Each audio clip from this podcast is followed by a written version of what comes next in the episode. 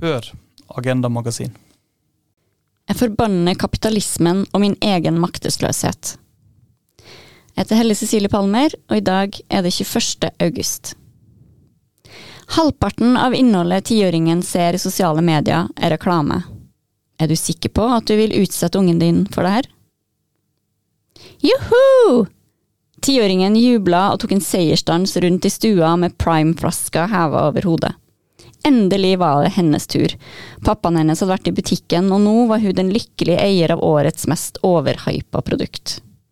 Hun sparte på drikken og fikk innholdet til å vare i flere uker. Og jeg sto igjen med ett eneste spørsmål. Hvorfor? Svaret er egentlig enkelt, og kommer fra tiåringen sjøl. Fordi det er det som trender. Barn vet utmerka godt hva det er som trender, enten det er i sosiale medier eller i skolegården. Det du bare må ha fordi alle andre har det. Det at noen setter trender som alle bare må kaste seg på, er jo ikke noe nytt i seg sjøl. Da jeg gikk på ungdomsskolen, midt på 90-tallet, var det helt uakseptabelt å eie andre bukser enn Levis 501. Det måtte være Levis, og det måtte være 501. Ellers kunne du nesten like gjerne vært død. Forskjellen nå er den aggressive markedsføringa ganske små barn blir utsatt for. Nesten halvparten av innholdet barn ser i sosiale medier, er reklame. Og mye av reklamen er annerledes enn før.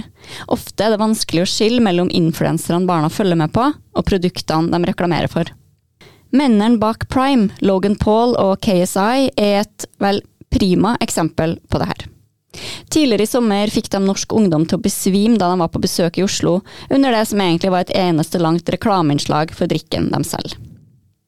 Den typen markedsføring som kommer fra sosiale medier er så gjennomgripende og spiser seg inn i store deler av samfunnet vårt. Jeg blir både fascinert og skremt av det, uttalt medieforsker Vilde Skanke Sunde i forbindelse med prime-influensernes Oslo-besøk. Det er lett å være enig. Å ta standpunkt i diskusjonen om barn, mobil- og skjermbruk og sosiale medier er frustrerende komplisert. På den ene sida gir skjermen nye, fantastiske muligheter til fellesskap og læring. På den andre sida primes barna til å bli forbrukere, slaver av ting utsatt for markedsføring de ofte ikke engang gjenkjenner som reklame.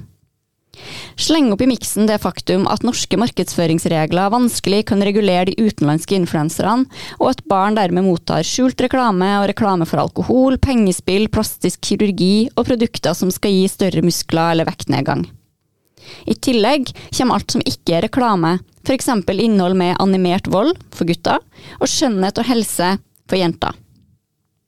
Kun 2% av innleggene som Retriever undersøkte på oppdrag fra Medietilsynet, inneholdt samfunnsaktuelle tema.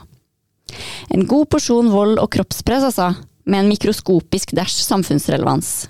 Det er det vi lar influenserne servere barna våre. Det er det som trender. Og vi foreldre er med på trendene, ukritisk eller smått kritisk, men uten at vi nødvendigvis føler at vi har noe valg. For vi vil jo ikke at barna våre skal føle seg utenfor, vil ikke at de skal bli mobba eller terga for at de ikke har noe som alle andre har. Det er vanskelig å ikke hive seg på karusellen, kjøpe den tingen eller gi tilgang til den appen. I sommer befant jeg meg tilfeldigvis utenfor et annet populært fenomen i min datters og hennes venners verden, sminkebutikken Sephora. Køen utenfor minner om koronatida. De som sto og venta på å få slippe inn, var stort sett jenter i tweens og tenåringsalder, mødre og en annen pappa til førstnevnte. Inne i butikken krydde av unge jenter som tråla hyllene. De så på, prøvde og kjøpt kostbar sminke og hudpleieprodukter ingen av dem har bruk for. Tiåringen fikk en overprisa ansiktsmaske, og noen dager senere utbrøt en venninne av oss som var på besøk, har du Sephora-pose? Jeg ender opp med å forbanne kapitalismen og all verdens influensere, og jeg forbanner min egen maktesløshet. Jeg prøver å holde igjen, men jeg vet at det bare er et spørsmål om tid før vi kommer dit at vi må veie våre prinsipper om å holde oss til appenes aldersgrense opp mot utenforskapet datteren vår vil føle hvis vi nekter. Lang setning. Ender opp med å forbanne kapitalismen og all verdens influensere, og jeg forbanner min egen maktesløshet.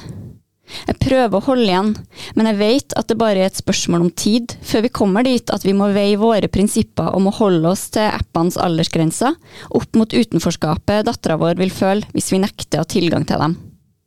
Allerede er det flust av barn på klassetrinnet som har egne Snapchat- og TikTok-kontoer, sjøl om det er flere år til de egentlig er gamle nok til å bruke dem.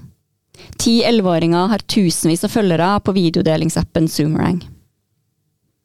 Barn og unge er ivrige brukere av sosiale medier, og de starter tidlig. Halvparten av 9-11-åringene bruker ett eller flere sosiale medier. Fire av ti er på TikTok, en fjerdedel på Snapchat.